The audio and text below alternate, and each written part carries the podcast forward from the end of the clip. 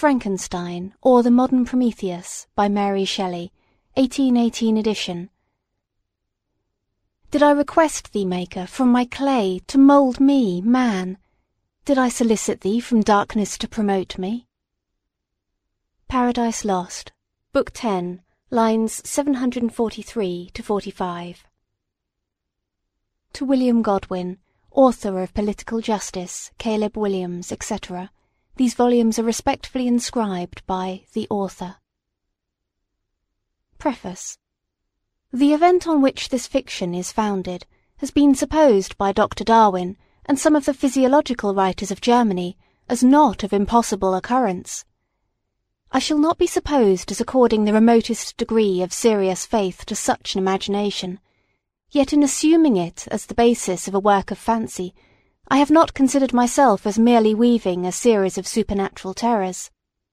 The event on which the interest of the story depends is exempt from the disadvantages of a mere tale of spectres or enchantment.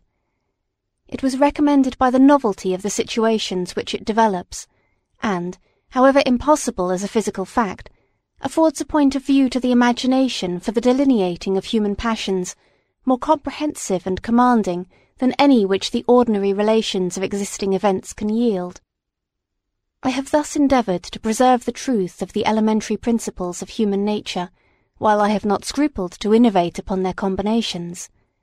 The Iliad, the tragic poetry of Greece, Shakespeare in The Tempest and Midsummer Night's Dream, and most especially Milton in Paradise Lost, conform to this rule, and the most humble novelist, who seeks to confer or receive amusement from his labours, may, without presumption, apply to prose fiction a license, or rather a rule, from the adoption of which so many exquisite combinations of human feeling have resulted in the highest specimens of poetry. The circumstance on which my story rests was suggested in casual conversation. It was commenced, partly as a source of amusement, and partly as an expedient for exercising any untried resources of mind. Other motives were mingled with these as the work proceeded.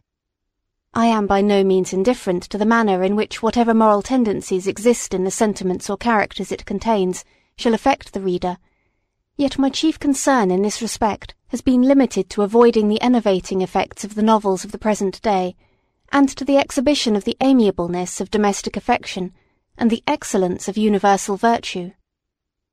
The opinions which naturally spring from the character and situation of the hero are by no means to be conceived as existing always in my own conviction, nor is any inference justly to be drawn from the following pages as prejudicing any philosophical doctrine of whatever kind.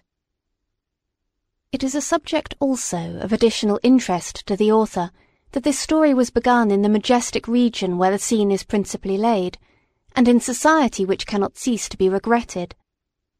I passed the summer of 1816 in the environs of Geneva. The season was cold and rainy, and in the evenings we crowded around a blazing wood fire and occasionally amused ourselves with some German stories of ghosts which happened to fall into our hands. These tales excited in us a playful desire of imitation. Two other friends, a tale from the pen of one of whom would be far more acceptable to the public than anything I can ever hope to produce, and myself agreed to write each a story founded on some supernatural occurrence.